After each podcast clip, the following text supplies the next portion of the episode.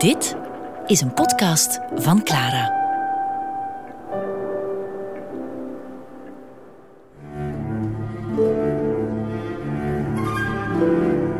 Leven en lijden van Godfried Bomans. Met Padone. 22 december 1971, het is een uh, koude winteravond, komt Godfried Bomans terug thuis van een partijtje schaak. Zijn laatste. Michel van der Plas schrijft een gedicht voor of beter over zijn vriend. Hij was nog s'avonds voor zijn club gaan schaken, maar zonder animo, een beetje suf. Hij had uh, er niet erg veel van kunnen maken. Er was iets mis met zijn vertrouwde bluff. Je vraagt je af hoe hij, drijfnat en bevend, zijn huis nog heeft gehaald achter het stuur. Daar viel hij in de hal, meer dood dan levend. Het duurde allemaal nog maar een uur. Deze ja, laatste aflevering van de podcast over Godfried Bomans heet niet toevallig. Het duurde allemaal nog maar een uur. De dag dat hij stierf, ja, dat was natuurlijk. Ja, toen was uh, driekwart van Nederland in de rouw hoor. Dat, uh, ik weet niet. Het leven stond gewoon stil. Iedereen die had het erover. Het is waar, noteert Godfried Bomans. De dood kunnen wij niet ontgaan. Dat is zo erg niet, want dan begint de grote logeerpartij. Bij een gastheer die zo boeiend is dat de tijd volledig stil gaat staan en eeuwig wordt. Hij, ja, de weliswaar twijfelende, maar toch gepassioneerde katholiek, geloofde in het hiernamaals. Een begrip dat zozeer in onbruik is geraakt of te veel is gebezigd, dat je het vandaag niet zonder enige ironie over de lippen krijgt. Hiernamaals wat hierna allemaal nog kan komen. Als er een hiernamaals is, moet er ook zoiets bestaan toch als een hiervoormaals. En wat met de tijd ertussenin, het hiernumaals dan maar. Toen Bomans moeder stierf en bij haar graf stond, mompelde hij: Zij weet het nu. Noem het Sinterklaasgeloof. Als je groot bent, weet je dat hij niet bestaat. Als je dood bent, weet je het evenzeer. Wat dat blijft de vraag. Een vraag die hij zijn hele hiernumaals lang met zich meedroeg. In deze laatste aflevering hoort u Michel van der Plas, Annemarie Feilzer, Jeroen Brouwers, Gerdelij, Lea Timmermans, Herman van Run, Jan Koen Bangert, Emiel Bruggeman, Harry Prik, Guy Mortier, Joep van Teck, Louis Ferron, Jan Lokin, Hugo Matthijssen en, jawel, Godfried Bomans die het nooit onprettig vond om het laatste woord te krijgen. Er was eens een koning en die ging dood. Maar hij wilde het niet. Hij hield het horloge van zijn gestorven moeder onder zijn nachthemd verborgen. En hij dacht bij zichzelf, zolang dat tikt, kan mij niets overkomen. Het horloge speelde alle uren en de koning luisterde verrukt naar het fijne getinkel. En weer dacht hij, zolang dat speelt blijf ik leven. Want mijn moeder heeft nooit gewild dat mij iets kwaads overkwam. Dat hoorde de dokter. Het was een strenge man. Hij kwam aan het bed van de koning en hij zei... Ik zal het u maar vertellen, u gaat dood. De koning schrok dat geloof ik niet, zei hij. Nee, zei de dokter, maar toch is het zo. Wanneer, vroeg de koning. De dokter voelde zijn pols en legde het hoofd op de borst van de zieke. Het tikt nog wel, zei hij, maar zacht. Als in de tuin de blaren vallen, dan is uw tijd gekomen. De koning keek door het raam en hij glimlachte. En hij riep zijn tuinman. Tuinman, zei de koning, hak alle bomen om die in de herfst hun blijren verliezen. En dat deed de tuinman. Ik uh, werkte destijds bij de uitgeversmaatschappij Elsevier. En uh, daar uh, kwam het bericht binnen dat Godfried Bomans was overleden. Een schok ging er werkelijk doorheen. Door de hele bedrijf, iedereen sprak over niets anders. Van Bomans overleden, Godfried overleden. En er werd gewoon gehuild. En dit, ja, dat was een schok. een vreselijke schok. Ik weet dat er mensen zijn die ook nog exact weten wat ze op dat ogenblik deden toen zij hoorden dat Godfried Bomans overleden was. Dat heb ik zelf niet hoor. Dat heb ik niet. Dat heb ik wel met, uh, met Kennedy. Maar dat, dat uh, hebben dus heel veel mensen van. Toen Godfried Bomans, toen ze dat hoorden, toen hij overleden was, weten ze nog exact wat ze deden. Ik hoorde dat op de autoradio.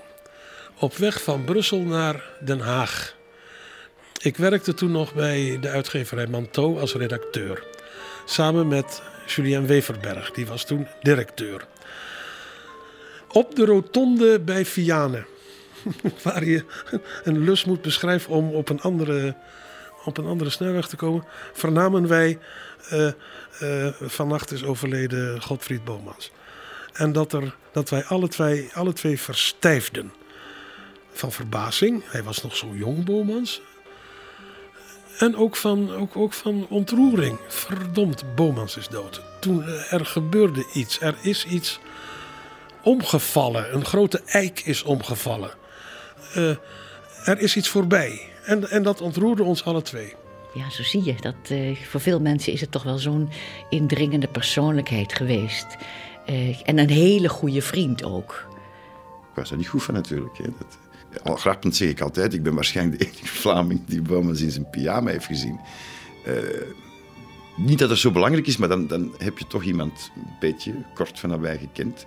En dan nog iemand die je zo bewonderd hebt in je vroegere jeugd en nog bewonderde, dan, dan is het toch wel iemand die nauw bij je staat, die wegvalt. Je had de indruk dat je een, een soort papa-figuur in de literatuur toch verloor. Hè? Koning stond in zijn nachthemd voor het raam toen hij de dood zag naderen. Deze keek verbaasd in de tuin om zich heen en hij schudde het hoofd. Maar hij liep toch door en kwam in de kamer van de koning. Ik moet u vanavond halen, zei hij. En toch is er geen blad gevallen. Vreemd, zei de koning. Hoe zou dat komen? Dat weet ik wel, zei de dood. Maar het helpt u niet. Want ziet u die kleine treurwillig daar? Die is al helemaal bruin. Vanavond steekt er een wind op. En dan zal die kaal zijn. Waarom hebt u die niet omgehakt? Ik kon niet, zei de koning verlegen. Hij staat op het graf van mijn moeder. De dood knikte. Dat wist ik wel, zei hij. En het is een lieve gedachte. En daarom zal ik u ook het uur zeggen. Als de klokken half tien slaan, kom ik u halen.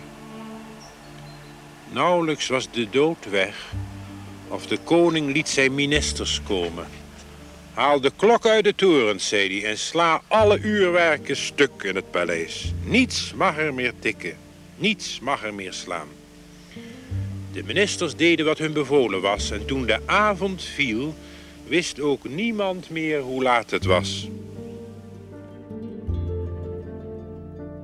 Zij heeft dubbel geleefd, denk ik, eh, zowel qua gemoedsleven als uh, qua angsten, qua drinken enzovoort. Qua wat hij ook deed, de laatste twee jaren van zijn leven heeft hij toch ook enorm veel dingen gedaan.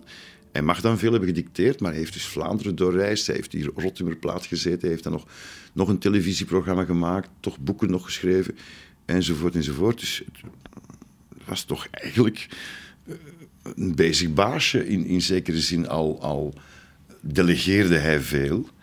En het zou wel eens kunnen dat dat zijn dood wel iets bespoedigd heeft. Er is in dat laatste levensjaar van Godfried Bomans door te veel instanties en personen een beroep op hem gedaan. Ik wil niet zeggen Godfried Bomans was een melkkoe geworden. Dat klinkt te onvriendelijk. Ten eerste aan, ten opzichte van degene die hem vroegen deze of gene taak te verrichten. Uh, anderzijds ten opzichte van hemzelf. als dacht hij, het kan nooit ophouden, het mag, mag wat mij betreft doorgaan. Maar er is te veel aan hem gevraagd.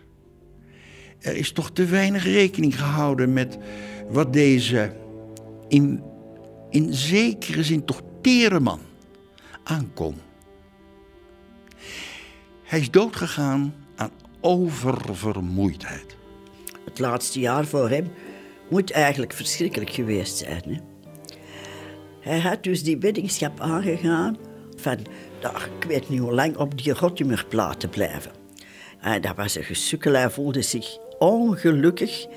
En ik denk dat hij moeite gehad heeft om die week, of hoe lang dat het ook was, uit te krijgen. Hè. Het was niks voor hem. Nee, ik geloof dat dit is echt geen prettige week voor hem geweest. Ik vind die foto's ook verschrikkelijk als hij terugkomt van uh, de Rotterdamplaat met die grote stoppelbaard en die strohoed op. Dat is echt een, uh, een, een zieke man, vind ik het als je terugkomt. Maar hij moet ook echt goed ziek zijn geweest. Men zegt dat hij toen een hartaanval heeft gehad. Ik weet het niet. Je kunt het wel duidelijk aan zijn handschrift zien dat hij ziek is geweest. Heel erg bibberend handschrift. En hij kwam daar neer eens. En mijn mama was hier juist. En ik zeg, god, Boris ziet er toch zo slecht uit. Wat is er toch? Ja, ik ben wat verkouden. Nee, zegt mijn moeder. Jij hebt die tanders. Jij hebt zeker een bronchiet gelijk dat ik je roesten. Je moet naar een dokter gaan en anders moet je in de kliniek gaan. Uh, nee, zegt hij, ik moet nog bij Brûlé zijn voor je, iets speciaals. En hij was erop uit voor bij mensen te zijn die een naam hadden toen. En uh, mijn moeder zegt, je doet het niet, ga naar een dokter en verzorg je of je krijgt nog een fleurus. En een paar weken nadien was hij dood. De koning stond voor het raam toen hij de dood zag naderen. De oude man draalde een ogenblik in de tuin alsof hij naar iets luisterde en hij schudde verbaasd het hoofd. Maar hij liep toch door en kwam in de kamer van de koning. Het is tijd, zei hij, ik kom u halen. Maar het heeft nergens half tien geslagen. Vreemd, zei de koning. Hoe zou dat komen? Ik weet het wel, antwoordde de dood, maar het helpt u niet. Luister mij. Hij stak zijn wijsvinger omhoog en op hetzelfde ogenblik tinkelde onder het nachthemd van de koning het verborgen horloge. Waarom hebt u dat niet stuk gemaakt? vroeg de dood. Ik kon niet, antwoordde de koning verlegen. Het was het horloge van mijn moeder. Toen ze stierf, heeft ze het mij gegeven. De dood knikte. Ik wist het wel, zei hij. En het is een lieve gedachte. Hield je zoveel van haar? Meer dan van iemand anders, antwoordde de koning. En zijn ogen schoten vol tranen. Zou je haar willen zien? vroeg de dood. De koning begon te wenen. Plaag me niet, zei hij. Het is mijn liefste wens. De dood knikte. Ik wist het wel, zei hij. En je wens zal vervuld worden. De deur ging open en de koning greep naar zijn hart. Daar op de drempel stond zijn eigen moeder. Zij boog zich over hem heen en fluisterde hem iets in het oor. Moeder, zei de koning, ik wil niet. Je bent het al, antwoordde ze.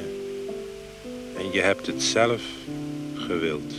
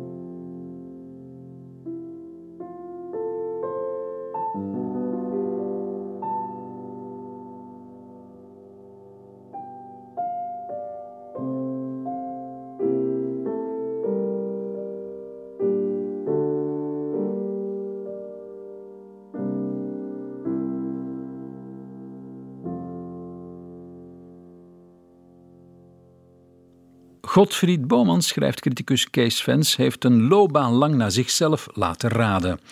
Hij maakte zichzelf tot een verschijnsel. Bomans heeft zijn lezers zoveel gedaante van zichzelf opgedrongen dat hij zelf verdwenen is. Hij is daarmee ook zijn naam kwijt, die pseudoniem is geworden voor de vele schijngestalten waarin hij zichzelf liet optreden. De ontsteltenis die zijn plotselinge overlijden bij velen veroorzaakte, hangt hiermee samen. Wie zich zo aan zichzelf en daarmee aan de geschiedenis onttrokken heeft dat zijn naam alleen nog in de registers van de burgerlijke stand met één levende persoon in verband gebracht wordt, is onsterfelijk geworden. Zijn leven was een poging om te verdwijnen en te laten verdwijnen. Voor hoe lang? Dat is maar de vraag.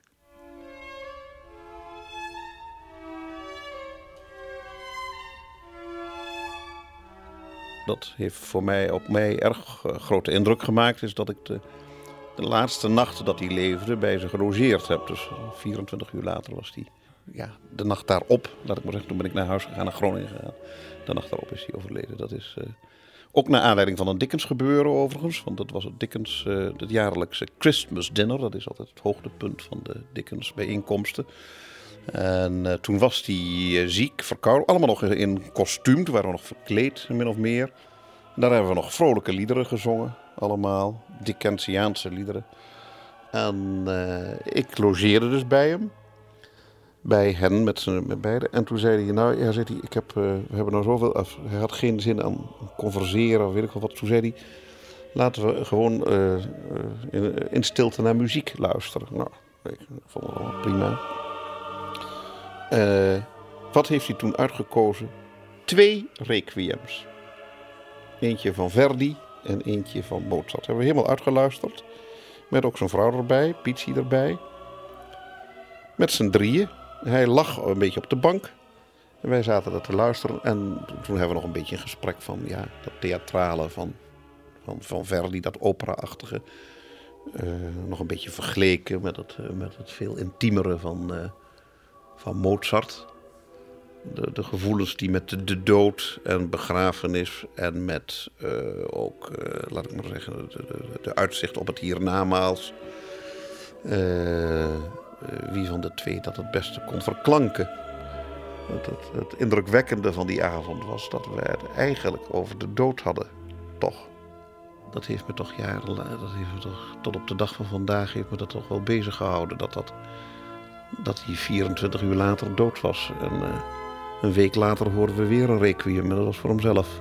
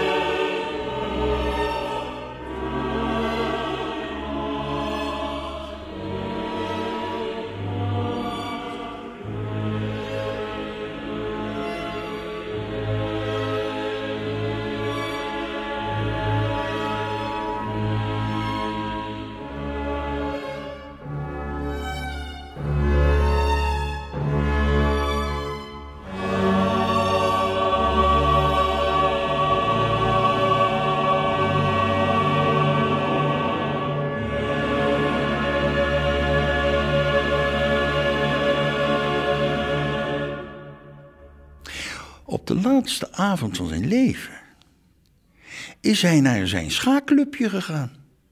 Dus we zien hem op de laatste avond van zijn leven nog spelen. Hij zit aan het schaakbord, zijn geliefde ontspanning. Hij denkt op een nog remise te kunnen maken. Maar hij komt verloren te staan en moet zijn koning omleggen. De koning ligt om. Dan knakt er iets. Hij gaat staan, loopt het zaaltje uit, begeeft zich naar zijn krakkemikkige autootje en rijdt naar zijn huis, niet ver van daar. komt het pad oprijden, stapt uit bij zijn deur en zijn vrouw, die nooit anders speciaal op hem zat te wachten, want je wist toch nooit wanneer hij weer binnen zou vallen, zit die avond toevallig, heeft zij een vaag voorgevoel, voor het raam op de uitkijk en ziet haar man uit de auto stappen. Ja, het is niet stappen, het is, het is wankelen. Hij haalt zijn voordeur, maar wankelt dan zijn hal binnen, regelrecht naar de bank waar hij een uur later uh, dood zal liggen.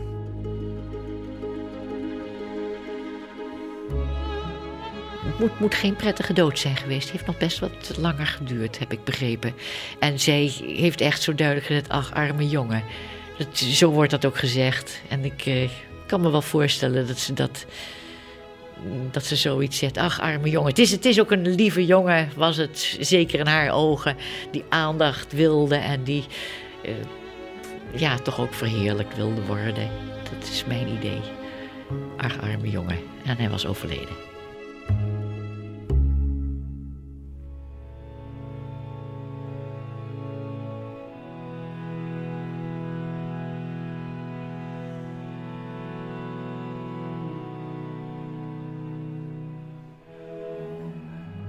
Gisteren las ik een ontstellend bericht. Dode lag 54 dagen ongezien in auto. Het was een handelsreiziger die bij de Porte de la Villette op 30 december van het vorig jaar zijn auto parkeerde, het sleuteltje uit het contact trok en op hetzelfde moment door een hartverlamming getroffen werd. De man bleef onbeweeglijk achter het stuur zitten, dag na dag en week na week. Om zijn glazen cel klonken de schoten van het oude jaar, het klokgebeier van het nieuwe jaar en het vuurwerk van carnaval. Duizenden koplampen van passerende auto's gleden over zijn vaal gezicht en tienduizenden ogen van voorbijgangers moeten een fractie van een seconde in die dode blik gekeken hebben. Maar niemand zag dat hij gestorven was. Het is daar een druk punt en juist die drukte isoleerde de doden. Ieder had te veel haast om op te merken dat iemand niets meer deed. Langzamerhand zakte de man opzij en kwam te liggen op de voorbank. Het stof van weken verdichtte zich op de ruiten, de auto sneeuwde langzaam in door het afval van de immense stad. En zie, na 54 dagen kwam er een spelend kind voorbij en tekende op de grijze ruiten in grote hanenpoten zijn eigen naam. Het zal dit gedaan hebben zoals kinderen ook hier hun letters schrijven, met het hoofd opzij, een blosje van inspanning op de wangen en het puntje van de tong tussen de lippen. De grote letters ploegden helder door het grauwe stof en het kind zal verrukt zijn naam hebben zien opbloeien in het vuil van Parijs. En door die letters zag het kind de dode liggen. Het keek door het wak van zijn onschuldige naam en blikte in de afgrond van eenzaamheid waarin een volwassene zinken kan. Is het geschrokken? Ik vermoed van niet. Het zal vrolijk zijn weggedraafd en aan iemand verteld hebben dat er een man te slapen lag. Kinderen kennen slechts één vorm van onbewegelijkheid: de slaap. Zij kennen de dood niet, omdat zij er niet bang voor zijn.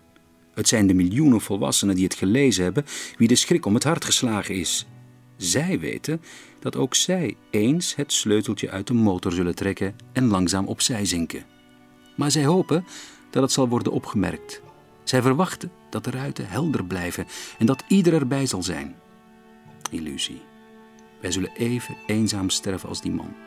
Het maakt niet het geringste verschil. En het hoeft ook niet, want dat kind had gelijk. Wij slapen slechts. Eens zal onze naam geschreven worden door een onschuldige hand en staan wij op.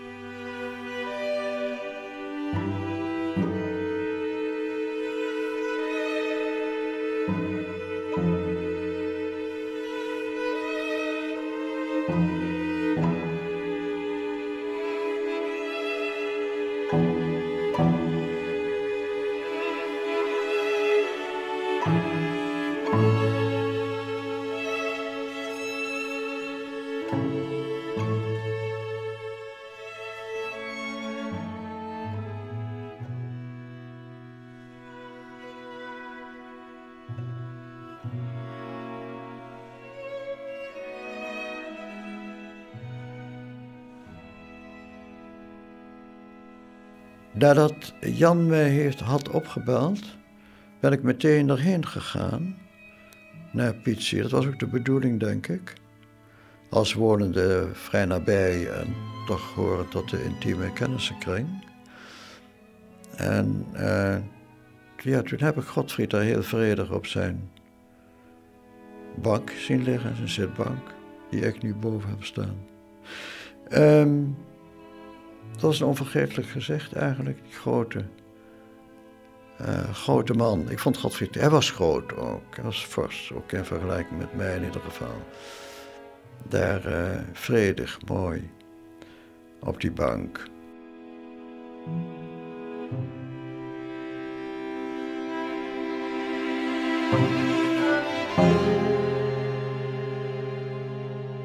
Het was een gekke huiswijder. Allerlei mensen kwamen aanlopen. Waar je mensen op straat sprak of in de tram sprak. Uh, iedereen zei, heb je het al gehoord?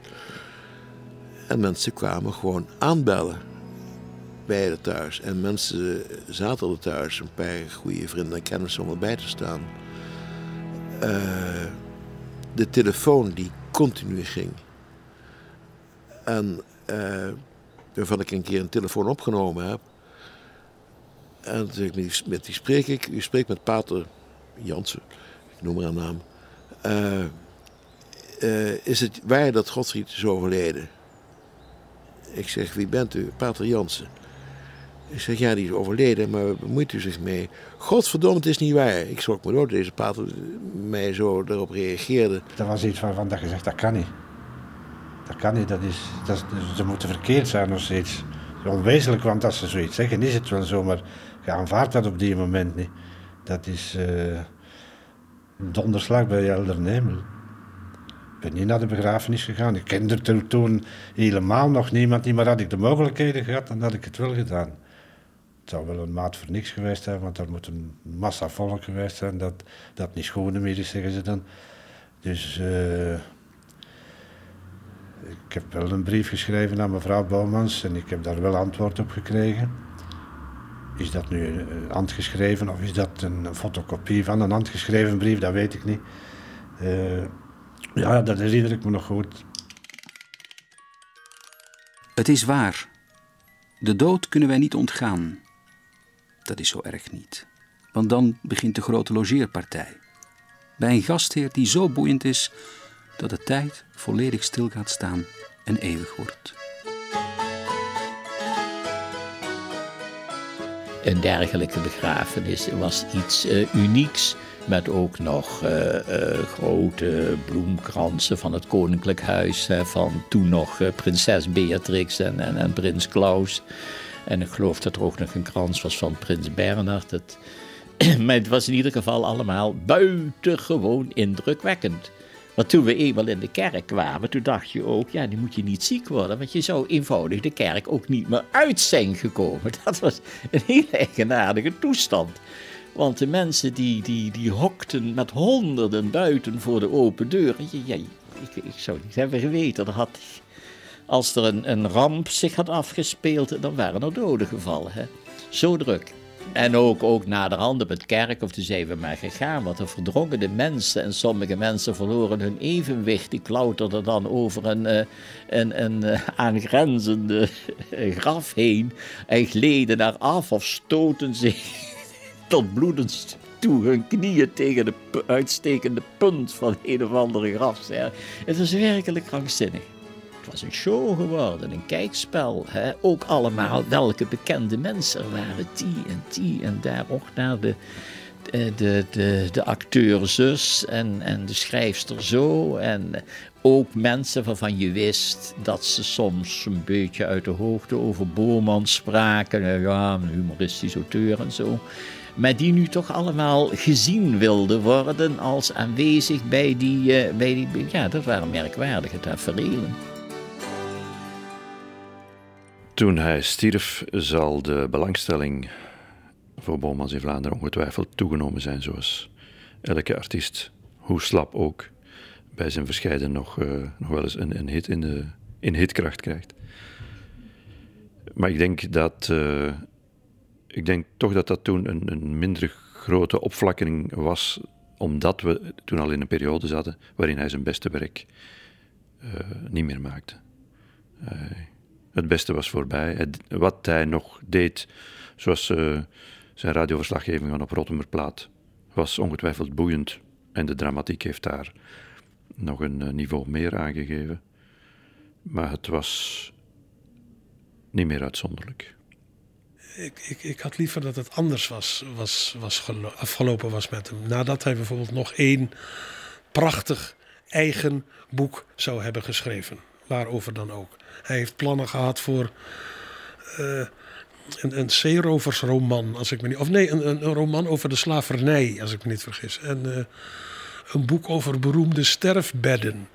Hij zou een hij zou de biografie over Dickens geschreven hebben. Had hij dat nou godverdomme maar gedaan?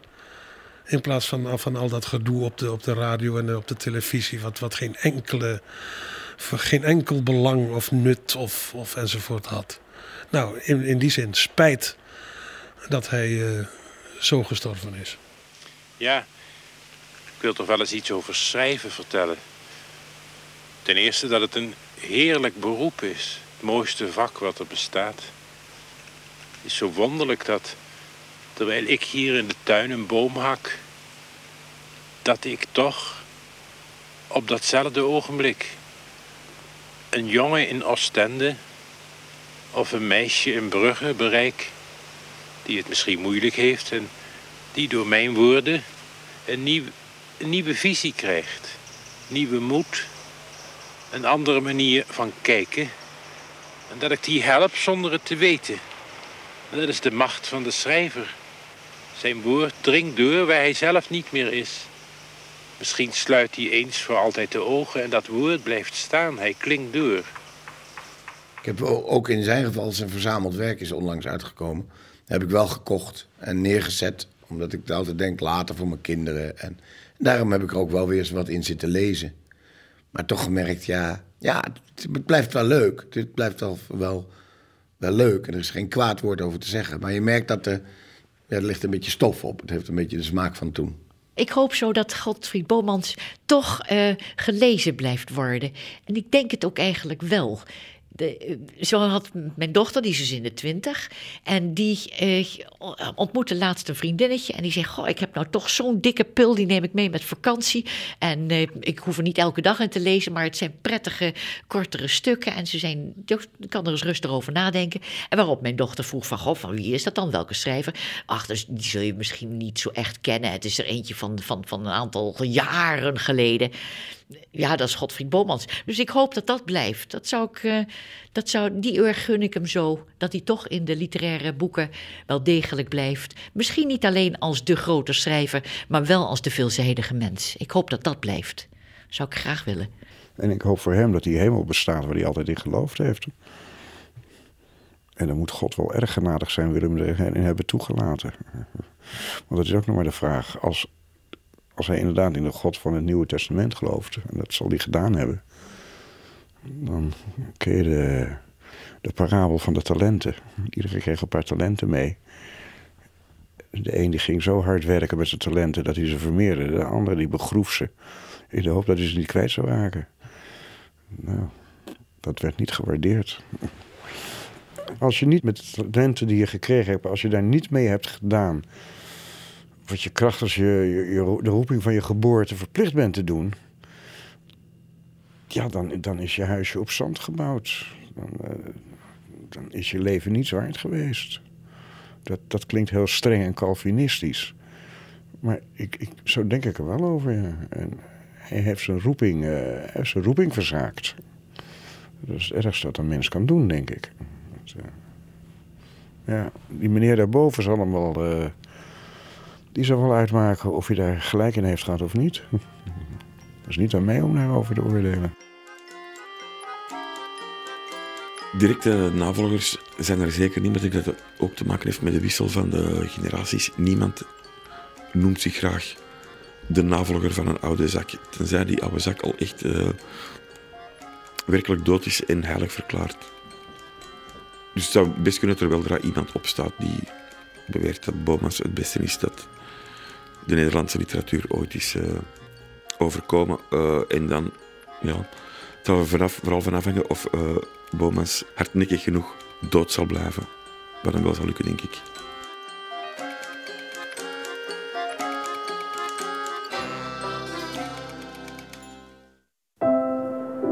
Ontdek ook onze andere podcasts via clara.be. Clara Podcast. Blijf verwonderd.